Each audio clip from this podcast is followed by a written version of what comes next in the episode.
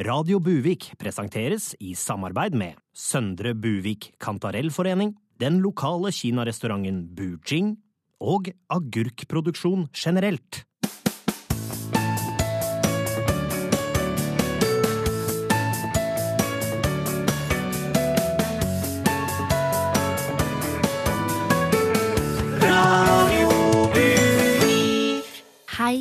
Og hjertelig velkommen til den aller første sendinga av Radio Buvik. Jeg heter Helle Dahl og skal være med deg neste time. For nå som kommunene Bu og Vik har slått seg sammen, er vi den nye lokalradioen for Norges minste storkommune, Buvik. Her i studio står det ei god kanne nytrakta kaffe på bordet, og den neste timen skal vi gi deg et hei, hei og et dypdykk fra vårs i Radio Buvik.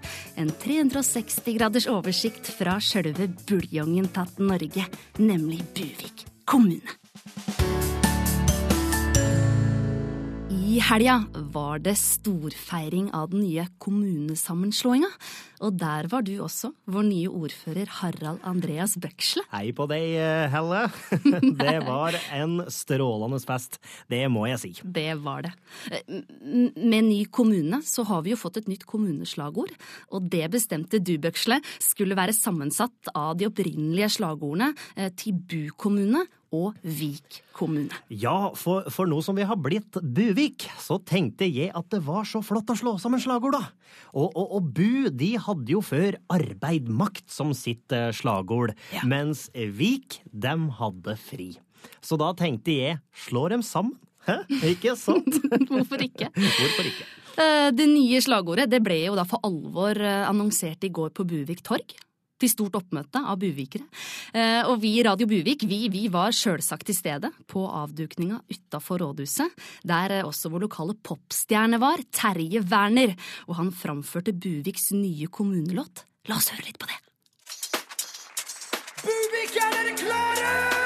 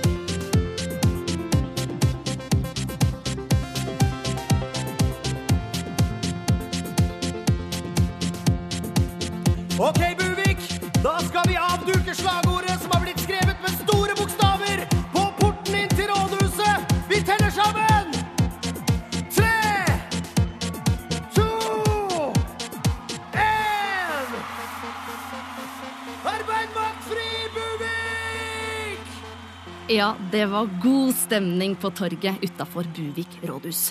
Men i ettertid har det altså vært noen krasse reaksjoner på det nye slagordet arbeid, makt, fri.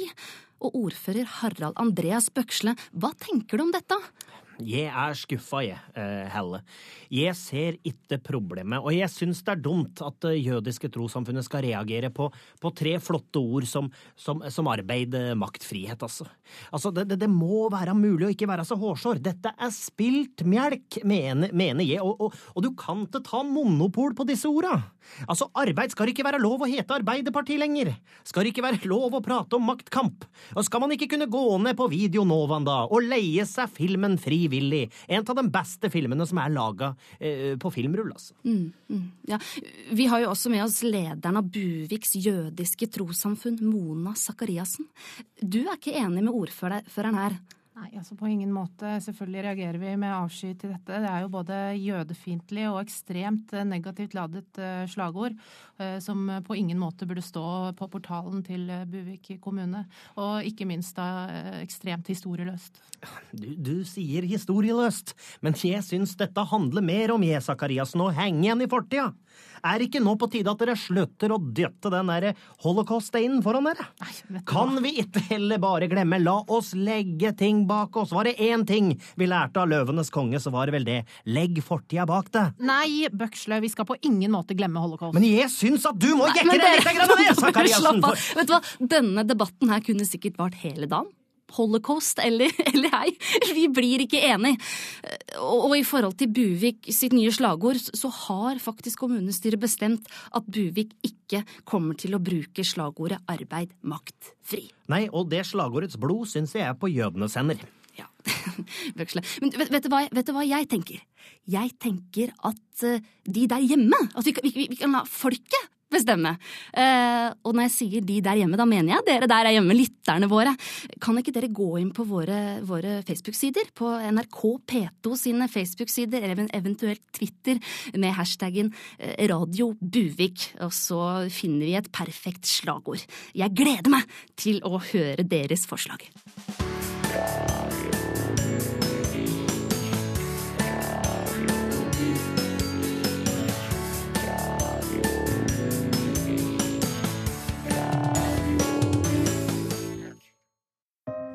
Visste du at hvert eneste år blir rett i underkant av 2000 norske sauer drept av ulv? Visste du også at over 100 000 sauer dør på beite av helt andre ting enn rovdyr? Men visste du at hvert år blir over én million sauer drept av mennesker? Ikke for det er ganske gode nyheter for deg! For nå er det fårikåldager på Buvik stormarked. Hyllene våre er stappet til randen av grisebillig sau og lam. Kjøp ditt får på Buvik stormarked før ulven tar det. Hei. Er du en av de som ønsker å dekke til håret ditt av kosmetiske eller religiøse grunner? Da burde du ta en tur ned på Husfliden her i Buvik. Vi har nemlig elleville dager på alle skaut, og du kan få et tradisjonsrikt, vakkert brodert skaut for under 299 kroner. Så om du er muslim eller rett og slett bare en jålebukk, ta deg en tur ned da vel. Og husk, norske tradisjonshodeplagg blir aldri ulovlig.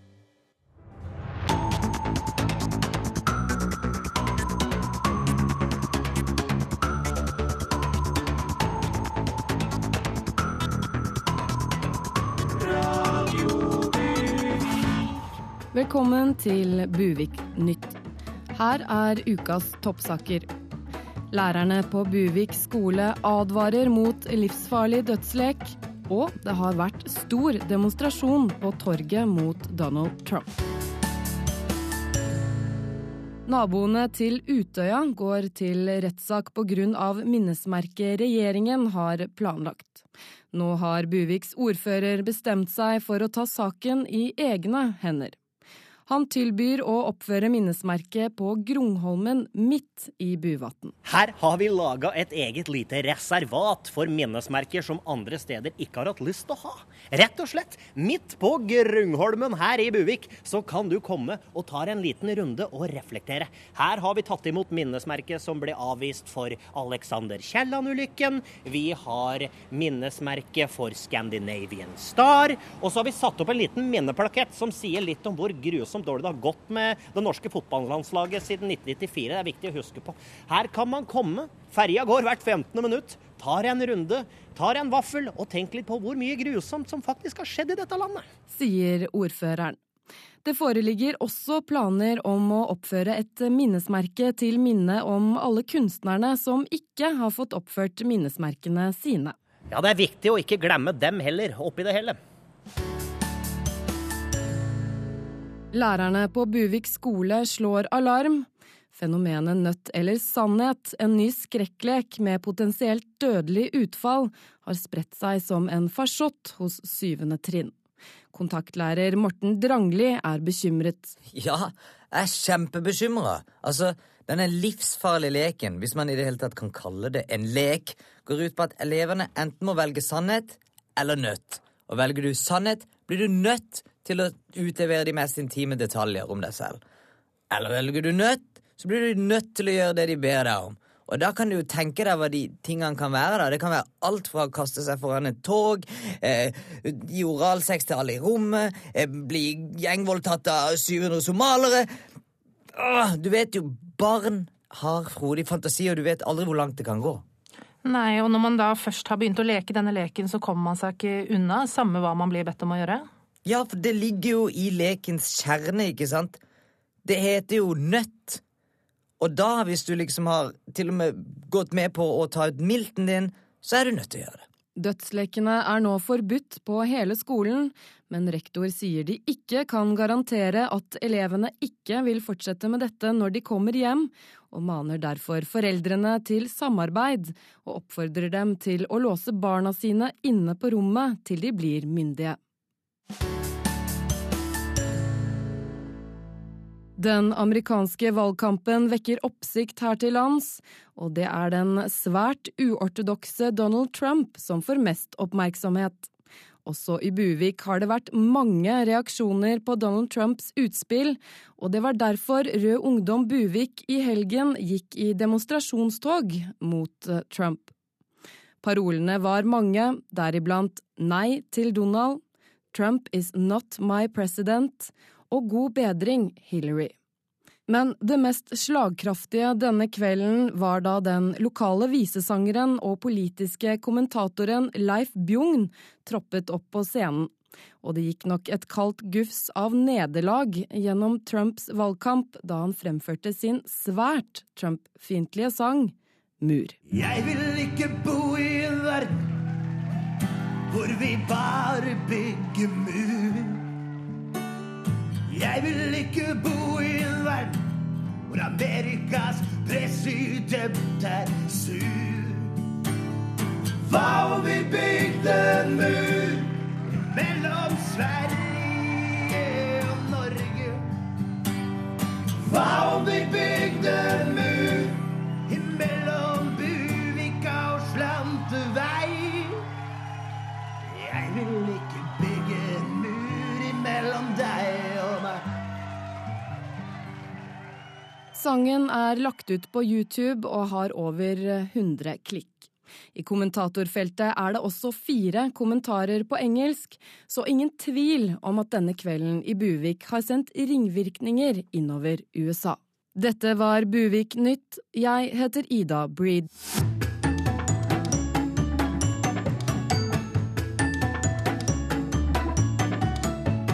Du hører på Radio Buvik, lokalradio fra Norges beste rasteplass. Jeg heter Helle Dahl og sitter her og koser meg med en god kopp kaffe. Bu kommune og Vik kommune har jo nettopp slått seg sammen, men én ting det har de alltid hatt til felles, nemlig språket. Vi skal nå høre et nytt uttrykk i dialektspalta her i Radio Buvik, eh, med Gjert Buson Vikbukt, den eneste som fortsatt prater distriktets karakteristiske dialekt. Velkommen, guttmensch. I dag skal vi syne ordet skrabbe her på Radio Bjuvik. Skrabbe blir nyttig når høsti kommer. Vi sier i høst og blest og rignat vær. Da lyt folk i seia her måtte skrabbe lekkas på toppen av ensket. Ellers hårvått dag vert hatt. Skrabbe minner om loven og hutten, men var mer toppet og ullfyld og levende. Som guttung i skolelag fikk mor mi ønske så for augusti rann om skrabbe med laffer, og den skulle være grynske med puffa plugg. Og levende vatnkrabbe i brimmen. I disse dager er skrabbe byttet med modern kapp og floss, og ungfullt har ikke levende vesen på toppen mer, men noen er dødt vesen i kraven eller i fôringa. Det var ordet skrabbe her på Radio Bjuvek. Vi talas vekka bort efter på mer ordsyning fra bygden. Følg Vikenda staselig gutmensch. Radio Buvik. Komiker Christian Valen blei natt til lørdag forrige helg arrestert på Aker Brygge med en plombert pistol og var tydelig berusa. Og vi i Radio Buvik stiller spørsmål ved om kjente folk i en sånn situasjon skal bli slått opp i tabloidavisene på denne måten. Derfor har vi invitert deg, nyhetssjef i Buvik-posten, Hege Helene Foss. Er ikke dette en form for uthenging og latterliggjøring av en profilert, men tydelig ustabil mann? Nei, jeg må, jeg må le av den saken. Det er jo det er utrolig moro. Altså, Kristian Valen i kammo og plompert pistol, kanon, dritings. Det er jo et skup.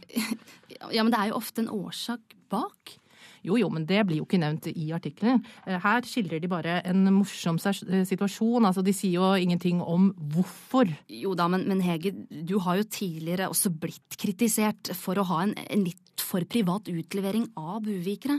Nei, altså For det første, når du velger å stikke deg frem, så må man også kunne ta konsekvensen av at vi journalister lager saker på deg. Det er jo en del av det se meg-samfunnet som vi lever i, og den kontrakten skriver disse kjendisene under på med en gang de velger å være synlige i det offentlige rom. Altså, Ingen skulle f.eks. nektet meg å lage en sak på Terje Werner, hele Buviks popartist, som har oppdratt, på, på, oppdratt, altså oppdratt unnskyld, på både Leivs kjeller, Buviks kultursenter og absolutt alle 17. mai siden 1984. Og det får meg Altså, når han da ligger dritings i Malmgata med 2,1 i promille mens han surkler rundt i sin egen avføring, da er det jo klart Herregud, det er klart at det har en nyhetsstory, men det er jo først og fremst noe jævlig gøy med det også!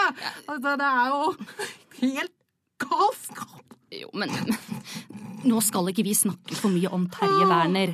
Både du og jeg vet at han har hatt et dramatisk år. Eh, Han har mista kona, og han går på sterke medisiner som gjør at han tåler alkohol dårlig. Jo, jo, men det skriver jeg jo ikke om. Det er jo altfor privat. Det er jo bare trist. Jeg skriver jo om det synet der han sannsynligvis har da måttet pisse, for buksa var jo langt ned på beina hans, og sikkert har falt, slått huet, noe som har gjort at han har driti på seg. Så legger han der og kaver i sin egen drit. Jeg så det med egne øyne.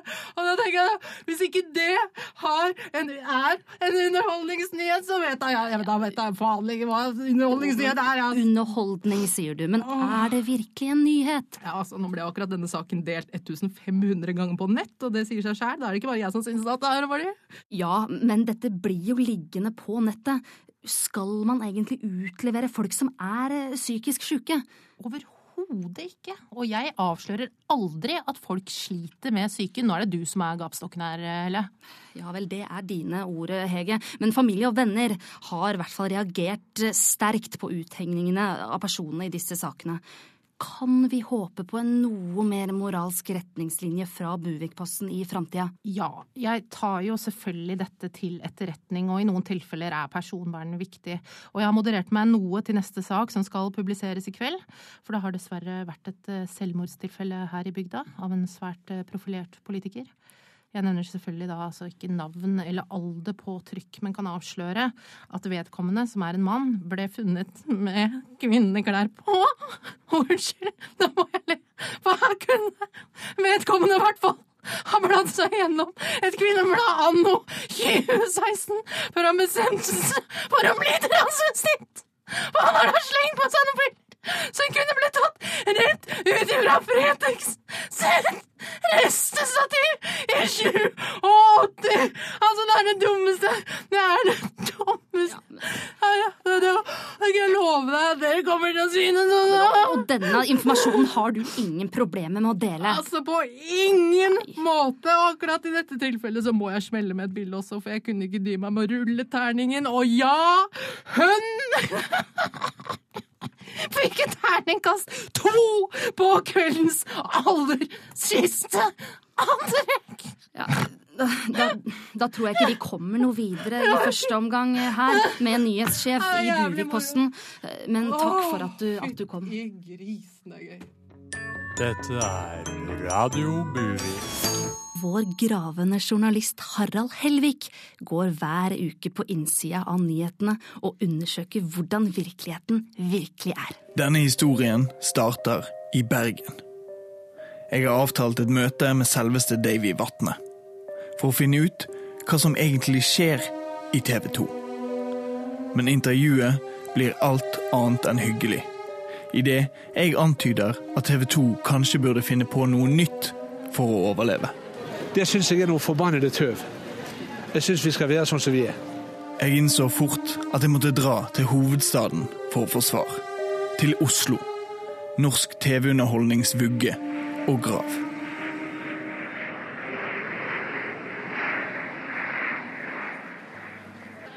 Jeg trer ut av den friske høstluften og inn i underholdningsmaskinen TV 2 sin Oslo-avdeling.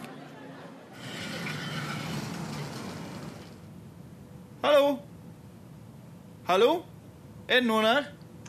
Hei, der kommer Du, unnskyld, unnskyld kunne du oh! Idol-programleder Marcus Bailey holder på å dulte meg over ende idet han løper likblek og gråtende forbi meg og ut på gaten. Resepsjonen er tom. Hva har egentlig skjedd med TV 2? Jeg bestemmer meg for å gå inn på egen hånd, og egen risiko. Jeg er tross alt en gravende journalist.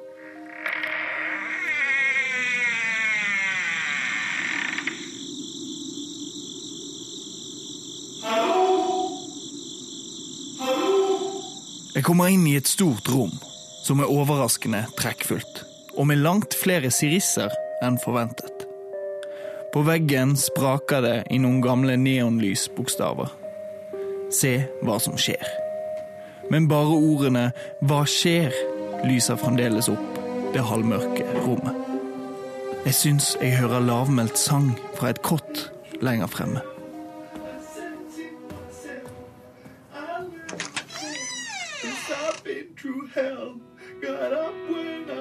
Mellom vaskebøtter og mopper lent inn mot veggen sitter en skikkelse og synger. Øynene stirrer kaldt rett ut i luften. Herregud, tenker jeg. Det er jo Idol-Kjartan Salvesen. Jeg prøver å få kontakt med han. Hallo? I hendene holder han et sammenkrøllet ark med påskriften 'Jeg vil til Oslo'. Igjen. Jeg innser at det er ingenting jeg kan gjøre for han. Det er for seint. Så jeg beveger meg videre innover i bygget. Hallo? Er det noen her? Vet du hva forskjellen på en snømann og en snødam er, Thomas Nømme? Nei, hva da? Snøballene. Vet du hva forskjellen på en snømann Rommet jeg går inn i, er forlatt. Det ser ut som det er brukt til forskning på noe vis. På andre siden av vinduet sitter fem-seks publikummere i en sofa og ser Harald Rønneberg fra Senkveld på repeat. En av forsøkspersonene prøver å få oppmerksomheten min mellom latterkulene. De tørre og sprukne leppene mimer 'Hjelp oss. Hjelp oss'. Døren inn til rommet er låst. Jeg prøver febrilsk å åpne den. Til ingen nytte. På en Post-It står det 'Mer Thomas og Harald' med to streker under. Jeg tenker nok en gang hva er det som skjer på TV 2? Plutselig hører jeg en lyd fra gangen. Velkommen til Skal vi danse 2020! Vi skal kose oss! I enden av den lange gangen kommer det to ja, ting som ligner veldig på Katrine Moholt og Samuel Massi. I hendene holder de et manus som de øver på. De kommer rett mot meg. Jeg snur og løper det beina kan bære meg.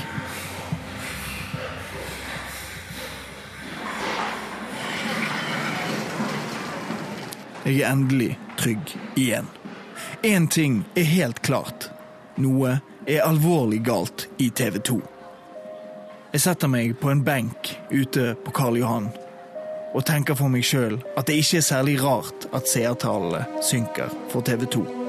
Og særlig ikke i konkurranse med unike og nyskapende og lisensfinansierte program som Stjernekamp, Skavlan og Nytt på Nytt. Det er på tide å vende snuten hjemover. Jeg er Harald, og du har vært med på innsiden.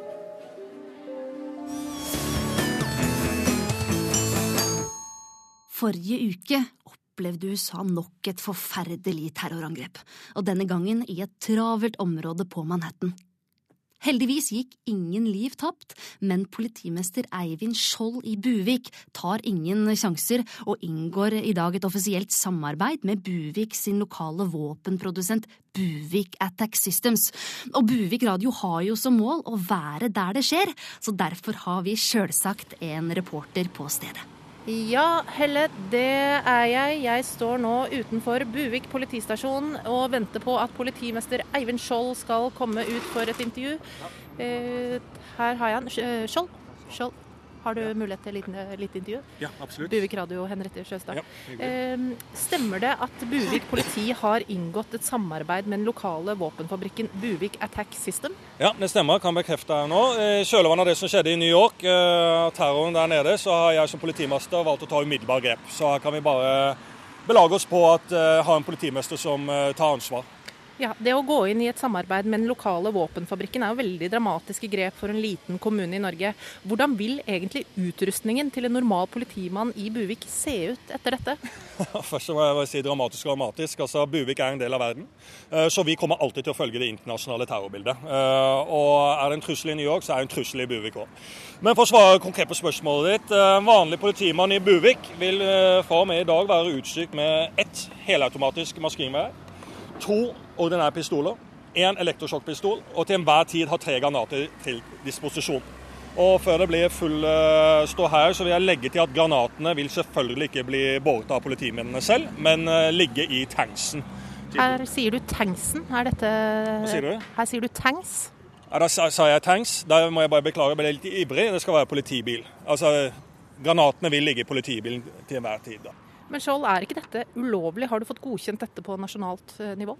Nei, altså, nå, nå skal vi ikke snakke om akkurat det, men akkurat når det gjelder terror, så må jeg bare si det veldig tydelig. altså. Når det gjelder terror, så må vi svare terroristene med samme mynt. Handle først, så må vi snakke etterpå. Sånn er det bare. Der er jeg nådeløs.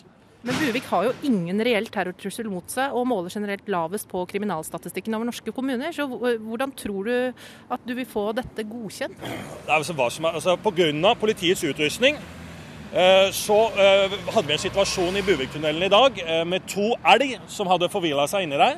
Og Da bare kunne vi sende inn én politimann inn der for å maltraktere disse elgene. Så de til slutt bare var en del av asfalten. og Vi tenkte ikke å ha inn biler som frakta ut elg engang, for det var ikke noe igjen.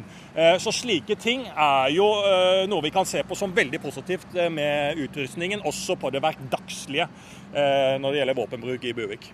Da kan vi også her da eh, melde at det har blitt skutt to elg i Buviktunnelen i dag. Eh, Noe som selvfølgelig er forferdelig. Ja, Tenk å melde frem det. det du ser dem ikke lenger. Du ser dem ikke. De er, det er ingenting igjen av det. Eh, sånn er det med helautomatisk maskingevær. Du ser ingenting igjen. Det er bare å fyre løs. Men nå må jeg egentlig dra innover igjen, for jeg har blitt, fått en sånn hastesamtale, innkalt til en hastesamtale med Erna Solberg. Så her lover det veldig bra for at vi kan fortsette å ha et samarbeid med Buvik Attack System. Eh, så dette ser veldig lovende ut, altså. Takk for intervjuet. Vær så god. Da setter vi tilbake til studio. Takk skal du ha. Jeg tenker på den elgen, jeg, da. Vi får gå videre. Du lytter til Radio Buvik hjelper deg. Noe av det mest grusomme en forelder kan oppleve, er at barnet blir tatt gissel. Men det er også surt å bli lurt. Begge deler fikk Samuelsen-familien fra Buvik oppleve da deres sønn Anders ble tatt gissel da han reiste ned til krigsherja strøk for å ta bilde til Facebook-profilen sin av at han bryr seg veldig om unger. Det var i det krigsherjede området i Dahir, like vest for Palabi, Anders ble tatt gissel av den svært notoriske terrororganisasjonen Alsar Ahmadi Amam. Familien ble så kontaktet av terroristorganisasjonen, som krevde to millioner kroner i løsepenger for at Anders skulle komme hjem i live. Familien Samuelsen betalte løsepengene og venta i ukevis på at Anders skulle bli levert. Men etter flere måneder så de fortsatt ingen Anders. De forsøkte å kontakte terroristene, men de ble bare møtt med et nytt krav på ytterligere to millioner. Familien Samuelsen så ingen annen råd enn å betale. Men bare et par uker senere dukker Anders opp på døra. Men da har familien Samuelsen betalt dobbel pris. Er dette greit? Vi i Radio Buvik hjelper deg mener nei, og vi tok derfor saka. Vi dro for å prate med Kurt og Belinda Samuelsen for å høre deres side av saka. Det var en helt forferdelig tid mens Anders satt inn i fangenskap, og vi ante jo ikke noe da om hvor ille ting kom til å bli fremover i det hele tatt, gjorde vi vel? Nei, altså vi er glad for at Anders er hjemme, men det helvete vi har gått igjennom med disse økonomisk uærlige gisseltakerne, det har vært grusomt. Ja, ja, ja, og vi betalte jo de løsepengene med en gang kravet kom. Men allikevel så fikk vi eh, ikke Anders eh, tilbake. Og vi sendte de kontoutskrifter, og vi sendte de all informasjonen de skulle ha. Ja. Men i stedet så kom det jo et nytt krav om løsepenger da. Nei, Nei vi, ja, vi, sendte jo kvitteringer og alt. Altså, og vi forsøkte å heve kjøp i henhold til kjøpsloven, men ingen svar. Altså, men vi ble enige om at Anders måtte vi ha. Eh, og da betalte vi igjen. Og da fikk vi omsider Anders hjem, men med en fryktelig bitter eh, smak i munnen, altså. Ja, nei, det var ikke noe ålreit. Det er liten tvil om at Kurt og Belinda har det økonomisk rettslige på sin side. De har krav på to millioner kroner. Vi bestemte oss derfor for å kontakte terroristene, men de svarte verken på telefon eller brev. Etter noen uker får vi et svar på mail, men det virker standardisert og automatisk.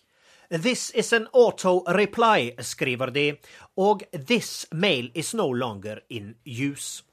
Jeg bestemte meg derfor for å reise ned til den krigsherja provinsen for å hjelpe barn ta bilder til Facebook, og for å komme til bunns i hvorfor familien har blitt snytt for pengene sine.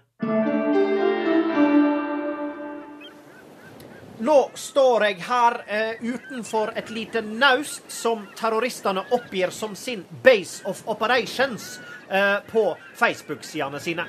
Det ser øde og tomt ut, men jeg skal banke på for å se om de er inne. Hallo? Hello? It's Radio Buvik Helps. Hallo? Det ser ut som ingen er her, eh, og at turen eh, har vært helt forgjeves. Der var det en litt gøyal apekatt, så turen var ikke helt forgjeves. Men det ser ut som terroristene slipper unna.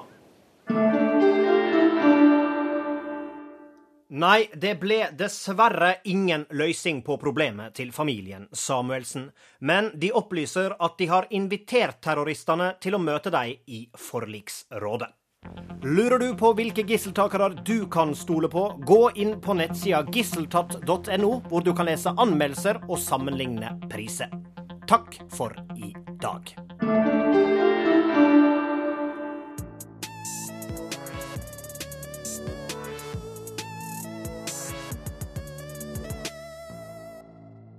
Denne uka har Brangelina slått opp, og hvem skulle trodd?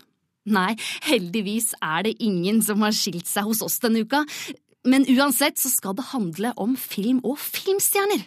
For denne helga går nemlig Buvik årlige internasjonale filmfestival, eller BOIF som kalles, av stabelen i mediateket på Buvik ungdomsskole. Det blir eksklusive premierer, prisutdeling, og hvem vet, Kanskje det vanker celebert besøk fra det store utland også? Vi setter over til vår reporter på sted. Ja, jeg befinner meg nå i foajeen utenfor Boifs hovedsal, også kjent som Buvik skoles mediatek. Eh, det syder her. Eh, det koker rett og slett. Og, og, og det summer og, og, det surrer. Eh, men med meg her er medielærer og festivalsjef Anne Fjukmoen. Hva kan du fortelle oss om festivalprogrammet, Anne? Å, vi har hatt et utrolig utrolig flott program i år, for vi har vært så heldige å få DVD-kopier av flere store norske filmer fra de siste årene. Så her har vi hatt visninger av filmer som Det fine som en gang var, Å vende tilbake, En som deg, Jeg er din, og Som du ser meg. Altså, i det hele tatt alle de flotte norske titlene med særpreg og egenart fra de siste årene. Og dessuten så blir det en førpremiere på nye, enda mer egenartende Egenartende? Unnskyld, jeg er litt nervøs. Det går bra, Anne. Bare, bare snakk i vei. Ja, og med flere titler. Og da har vi jo også um, Alt som er fint, eh, Her er vi, Vær hos deg, Hos deg vil jeg være, Vi som var her, eh, Alt som vi var, Her som vi er, Vi som har alt. Altså generelt. Altså det er et særpreg og egenart som er på agendaen her på festivalen. Ja, eh, og mange, mange, mange filmer du nevner, men har du, har du bitt deg merke i en favoritt? eller? Eh, nei, da tenker jeg kanskje først og fremst på Du som er min. Nei. Hvilken er det? Nei, jeg tenkte på den som med det paret som dro ut på den øya med den kreft... Jeg som en gang var. Da, nei, da du så meg den, om de bestevenninnene også den, For den liker jeg veldig godt med de bestevenninnene. Da du så, da du dro, men jeg hørte deg gå. Nei Jeg husker Jeg blander akkurat det med da du gikk, så så jeg deg komme. Det er fem barn Hvem var det som sov da jeg våknet? Nei, det er et eller annet jeg blander, men altså, det handler i hvert fall et eller annet om det der å ikke kunne kommunisere i en parrelasjon, som er, er det som er essensen av den filmen. En utrolig bra film. Og det er jo gøy å se også sånn med norsk filmbransje nå, som er absolutt best i verden på å kommunisere dårlig kommunikasjon på en særegen måte, med full av egenart. Ja, Vanskelig å velge favoritt, eh, Anne. Men festivalens høydepunkt er jo Boifs hederspris. Og det er ingen hemmelighet at det er knyttet mye spenning til at Johnny Depp er nominert. Og om han vinner, Anne, lurer vi på er han her, og kommer han opp på podiet for å motta prisen sin. det skulle du vel likt å vite. Jeg kan ikke si så mye annet enn at vi har vært i kontakt med Johnny Depps folk. Og resten får du nesten se selv. Ja, men kom igjen. Anne, gi oss et lite hint, da. Sitter Johnny Depp bak der nå? Sitter, han er han på bakrommet, Anne? Har du sett, har du, har du sett Johnny Det er ingen sjanse for at Johnny Depp er her, er det vel? Nei. Nei, ingen Johnny Depp i år heller. Dette er fjerde året Johnny Depp er nominert, og han har vunnet Boifs hederspris de siste tre årene, men har ikke dukket opp. Men det setter ingen demper på filmgleden, og til neste år så kan det vel kanskje være lurt å klipp, klipp, saksehåndklippe Johnny Depp helt ut av nominasjonen, eller hva sier du, Helle? ja. Da tok ikke jeg den referansen helt umiddelbart, men eh, Klippe, klippe! Men nå skal det handle om norsk ulv. Og vi har en reporter, vi, som står utafor Buvikskogen med en lokal sauebonde. Det stemmer, Helle. Her står jeg sammen med Geir Oddkalv, eh, bonde og hobbyjeger. Yes. Eh, Du er på vei inn i Buvikskogen, for du kommer ikke til å følge lovverket. Du skal ut og skyte ulv. Ja, det handler om at dette lovverket er helt baklengs. Det er helt fucka. Er du klar over hvor mange sau eh, som blir tatt av ulv? Veit du det? Nei. Nei, ikke sant? Og veit du hvor mange ulv det er inni den der hula her, skogen her? Det er i hvert fall 40 ulv. Å ja, såpass, ja. Oh, ja, ja, livsfarlig for bare mennesker og, og yes, sau. ja. Ja, men vet du hvor mange sau som blir tatt av ulv her i Jeg har ikke de faktiske tallene på akkurat hvor mange sau. Alt jeg veit, er at det er mye ulv, og at sau er blir tatt av ulv. ikke sant? Så det vi må gjøre nå, er at vi er nødt til å gå sammen en delegasjon og få felt ulven. Det er det jeg mener. Delikasjon Hva tenker du på da? Jeg tenker på et samarbeid. Jeg tenker Norge. Jeg tenker Tyrkia kan være med. Jeg tenker Russland kan være med. Og så får vi tatt ulven en gang for alle, altså før de får spredd kulturverdiene sine rundt, i dette, rundt i denne verden. Ja, nå, nå, tenker, nå snakker du om IS, ikke sant? Hæ? Nå snakker jeg IS. Er det Altså terrorbevegelsen IS. Det er de, Ja, det er de. Nå har jeg blant De er ikke, de er ikke ulv. Nei, ikke sant, fordi ulven er den grå. ja, ulven. Dyret ulven, ja. Yes, der er ulv, så det er IS jeg prater om. Ja, for IS er dem som Er det IS eller ulv som ikke kan spise gris? Nei, altså ja, Muslimer eh, spiser ikke gris. Eh, Men ulven heter gris. Ulven heter gris? I eter. E, ja, ulv kan spise gris. Ikke sant, så da er det gris Nei, vent, da er det IS. Vi må teppebombe Vi må teppebombe hele fuckings IS-bestanden før de tar all sauen her oppe, altså. Ja, OK. Yes. Eh, ikke sant? Fordi det, Vent litt nå. Fordi IS hvem er, det, hvem er det som eter hun hun ålreite bestemora i det eventyret? Hvem er det som stikker hjem til hun, eter bestemora, kler seg ut som bestemora og lager et slags sånn komplotte? Husker du det fra TV3? Komplotteaktig. Og så kommer hun der med det røde skjerfet. Faen er hva er Røde og ulven. ja, er det, ulv? er det ulv? Det er ulven, ja. Det er ulv, ja. Men da er det ulven vi må teppebombe, og det syns jeg Russland og Tyrkia den viser et, en sterk offensiv mot ulv, og den syns jeg vi i Norge skal se å bli en del av. Ja, nå var det litt forvirrende, men du mener fortsatt at det er ulven eh, som skal Ja, for det er ulven, det er ulven som igjen Kalifat, det er ulver imellom. Nei, da, det, da snakker du nok om IS. Da har jeg blanda igjen, ikke sant? For da er det sau, tror jeg. For det, det har vi glemt. Sauen. For det er tre sauer ikke sant, som skal over ei bru. For de skal et eller annet sted, og så skal de ete. De skal ete og bli feite. Hva heter den ene spinklesauen? Og den litt større sauen. Og så den der store, ordentlig rævfeite sauen som skal over til setra. Og under den brua, der er IS. Det er troll, da. Der er troll, ja. Hvis ikke vi får bukt med trollstanden, ja, da kan du si takk og farvel til sauenæringa denne bygda. Ja. Yes! Så nå blir det å gå inn der og skyte troll og IS. Og så skal jeg reise ned med en delegasjon. Russland og Tyrkia. Og der skal vi få drept all ulv. Ja. Takk til deg. Takk sjøl. True crime har slått innover radioverden som ei skikkelig bølge, og vi er skikkelig stolte av å kunne presentere vår egen true crime her i, i Radio Buvik. I 1992 ble Lena Vasserud funnet drept. Ingen har blitt dømt for drapet, og 14 år senere spør vi oss hva var det som gikk galt med etterforskninga. Gjennom, gjennom ti episoder forteller vi historiene fra menneskene som jobbet med saken, og veien frem til sannheten. Du husker kanskje lørdag 16. april 1992.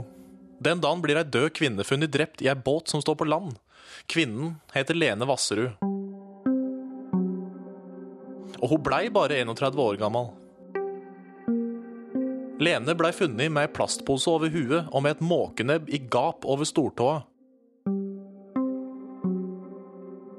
To uker tidligere blir Lene meldt savna. Flere blir mistenkt i saken, men ingen blir dømt.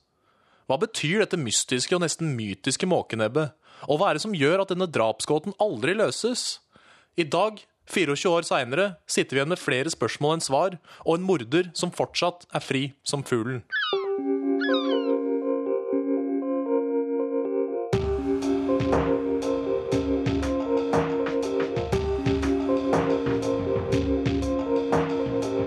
Dette er Sporløst. Jeg heter Tor Magnus Hammeren, og jeg har et vikariat i Buvik lokalradio.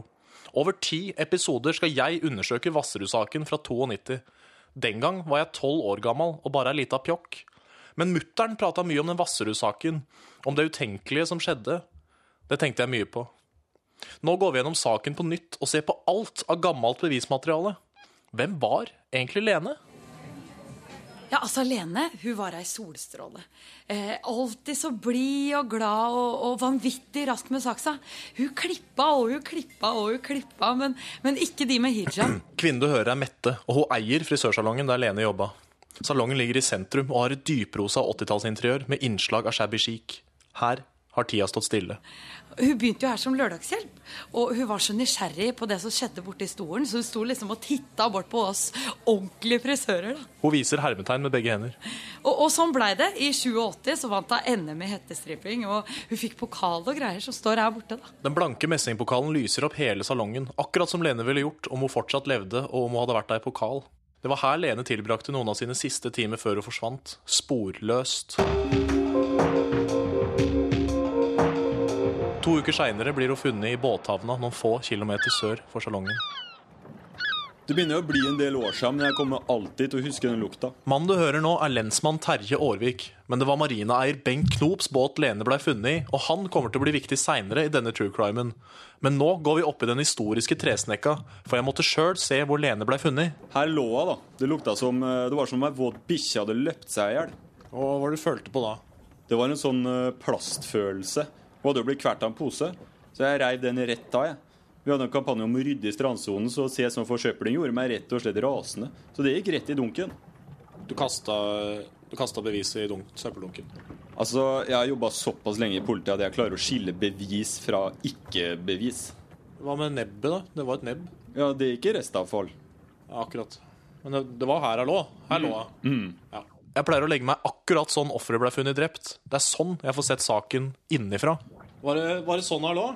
Litt mer oppover. Sånn. Så litt, ja, litt mer på skrå. Sånn, ja. Gidder du bare sende den posen og nebbet der borte?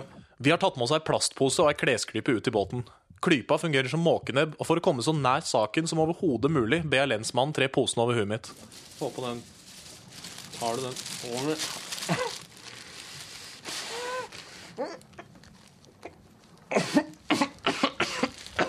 Terje, fy faen, hva er det du holder på med? Ja, det er klart at pose gjør etterforskninga ekstra vanskelig. Den surstoffmangelen, vet du.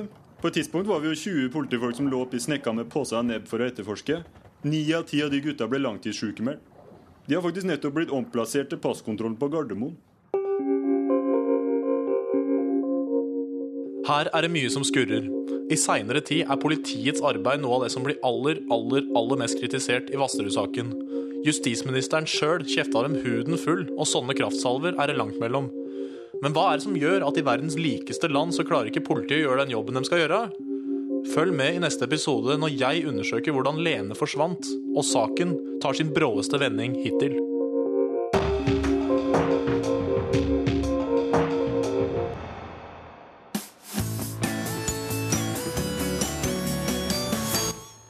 Ja, dette er Radio Buvik. Det er det. Din lokalradio. Og denne helga arrangerer den nynazistiske organisasjonen Buvik Front treningsleir i kommunen. Og vi har en reporter der også, vi. Jeg står her i Buvik flerbrukshall sammen med leder for Buvik Front, Jørund Gamst, Hei, hei. og hans nestleder. Olve Karlsrud. hei. Hei, hei. Og Gamst, eh, dere arrangerer altså treningsleir her som ledd i deres motstandsbevegelse mot homofili. Nei, faen, altså. Det er, det er det jeg mener. Det er så jævlig typisk dere i mainstream media å vri og vende på alt det vi sier. Altså, jeg, jeg, jeg får lyst til å kalle det. Altså, lamestream media. har jeg lyst- Fy fader, Gamst! Ja, men du skjønner hva jeg mener. altså. Herregud, altså. Vi arrangerer ei koselig liten festival i naturskjønne omgivelser, der vi har foredrag om ideologi og politikk, og vi har selvforskarskurs, har vi. Altså, vi øver, de øver på å marsjere i takt, det gjør vi. Altså, Verre enn det er det ikke. Ikke legg til masse greier her. Nei, men Dere har jo planer om å demonstrere mot homofili. Nei, nei, nei. Nei, nei, nei for faen! Har fortalt deg det der? Ja, hvem har fortalt deg det? Nå vrir du og vender på det igjen. Dette er ikke en protest mot eller et forsøk på å spre hat mot homofile som grupper eller individer. Hele altså, vi har ingenting, Ingenting. imot homofile. Ingenting imot. Det er derfor parolen vår ikke er 'knus homofili', men 'knus homolobbyen'. Altså, vi skal demonstrere mot homolobbyen. Ja. Forstår det, da. Du kan faen ikke gå inn på et hotell lenger ikke sant? Uten, at det, uten at det står en eller annen sånn flamboyant faen bak kassa. Det er rosa møbler og, og stoler og Fy faen, det er sikkert knulle- homsepornobilder på veggene òg. Æsj! Fy faen, fuck homselabber, ass! Ja, ja, ja. Knus! Ja, Ho- ja, men det er, ja, det er ikke sånn lobby, selvfølgelig. Altså, Olve, der er jeg litt ute. Men, altså, vi snakker om, for å ta dette her tilbake, altså, vi snakker om en organiserte homolobbyen. Den som arrangerer orgellignende parader i full offentlighet i Norges gater. Det burde vært forbudt i et fritt land som Norge å bli påtvunget sånn. Og det er ikke fordi de er homofile. Det hadde vært akkurat like upassende om heterofile hadde gjort det samme. Akkurat like upassende. Gjort hva da? Altså, så, gjort det samme. Altså, ligget med noen av samme kjønn, f.eks. Altså, hvis heterofile hadde hatt homosex, hadde vi protestert mot det også. Altså, Vi gjør ikke forskjell på folk. Men dere har jo bl.a. brent homoflagget. Vri, vri, vri. Herregud! Fy fader, Det er Dere journalister, altså, det er umulig å snakke med dem. Ja, fy faen. Ja, fy faen, altså, fy, fy, fy, hei, hei, Gamst, Gamst, det er så umulig å snakke med jeg syns det kanskje passer å ta den ene uh, om uh, hva sa de i stad med mainstream. Den passer igjen. Ja, Lamestream. altså, ja, vi brente et homoflagg, men det er, ikke for, altså, det er ikke fordi at det er flagg for homofile. Men det er fordi at det er helt useriøst å ha et flagg med så inn i helvete mange farger. Altså totalt krasj i fargene. Ja, fy faen, herregud. Det er skikkelig fargekrasj. Alle med litt grann fashion sense veit jo at rødt og indigo ikke akkurat er komplementærfarger. Ikke sant? Vi har jo ingenting imot homser. Nå må vi begynne å forstå dette opplegget her. Altså, hadde det eksistert et heteroflagg, ja. og heterofile hadde begynt å gifte seg med samme kjønn og brutt ned liksom vestlige verdier, så hadde vi jo brent det heterofile flagget også. Ja, men som Buviks avdeling av en nynazistisk organisasjon Nei, hei, hei, hei, hei. Vi er ikke nynazister. Ikke nynazister. Det er bare dere jævla journalister som prøver å gjøre oss til. Altså, Vi representerer en ny bølge av nasjonalsosialisme. Altså, men dette her altså, på ingen måte gjør oss til nynazister. Altså. Ingen måte. Ingen Ja, men dere har store bannere med hakekors her. Nei, det er, dette er faktisk et gammelt uh, buddhistisk symbol som vi har bare satt litt grann på skrå, sånn at folk ikke skal tro at vi er buddhister. Ja, fy fader. Æsj, født buddhister, ass. De er så ekle, sånne skalla, nakne folk som driver og møtes på den derre egne tilegna strender hvor de har køkkene ute og ser på hverandre. Æsj, jævla buddhister, ass. Men hva med Hitlerbarten din, da? Nei, ikke Hitler, Hitlerbart. Altså, Ch- Chaplin-bart, har du hørt om det? Charlie Chaplin, en av de største stumfilmkomikerne. Stor forskjell, altså. Nå må du faen meg slutte å feiltolke og misforstå. Er, er du her? Er, hvem er det som har sendt deg? Altså, Det er ikke rart det fins fordommer i verden. Nei, fader, kan Olve, Vi kan la det bli siste ord. La bli siste ord. Altså, lamestream, jævla fuckings media. Ove, du skjønner dette her? Så skjønner du hva jeg sier, at du skal imitere journalister. Ja, vi faen, Gams Lamestream. Det knekker meg, altså. Fy faen, det knekker meg. Det er så skarpt. Det er så samfunnskritisk og skarpt. Fy faen, det er derfor jeg er sjefen. Fy faen. Over til deg, Helle. Takk skal du ha. Ja, hvis du der hjemme er like forbanna på homolobbyen som disse gutta, kan du jo stikke innom Buvik flerbrukshall i helga. Og de tilbyr også eh, faktisk selvforsvarskurs for barn under tolv år.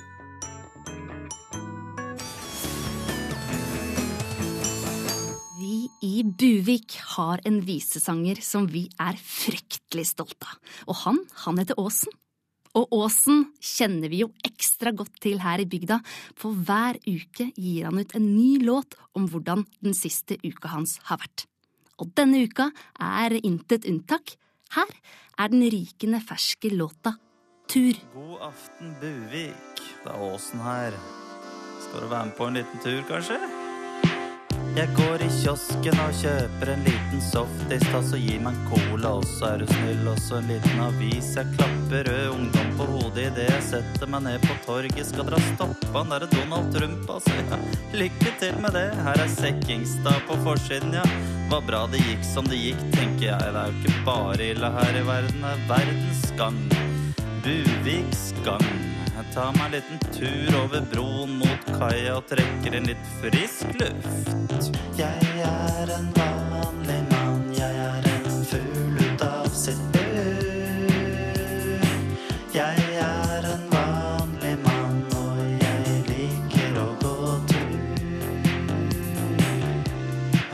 forbi kaia og tenker litt på Lene Vassrud som ble funnet drept med en plastpose over huet. Ja, ja, det er lenge siden nå. Jeg trenger en liten boycut, jeg, så jeg går inn til Mettes frisørsalong. Hei, hei, hvordan går det med deg?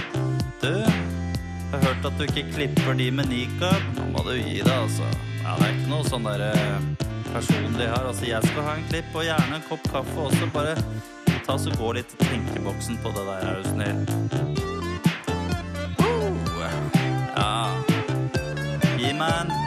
Buvik-klipp nå. Du, Mette, hva syns du egentlig om det derre slagordet 'arbeid, makt, fri'? det går ikke an. Jeg er en vanlig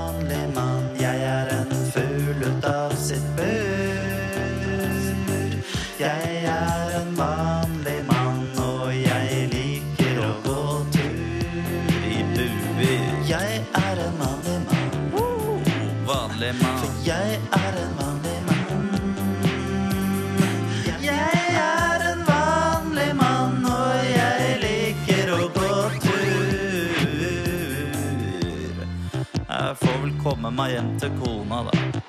Nei, vent litt, jeg tror jeg tar meg en liten pølse, ja, så tar jeg Buvik spesial med agurkmiks ned på senteret først. Bare ikke si noe til kona på det, altså. For hun er hjemme og lager middag, vet du.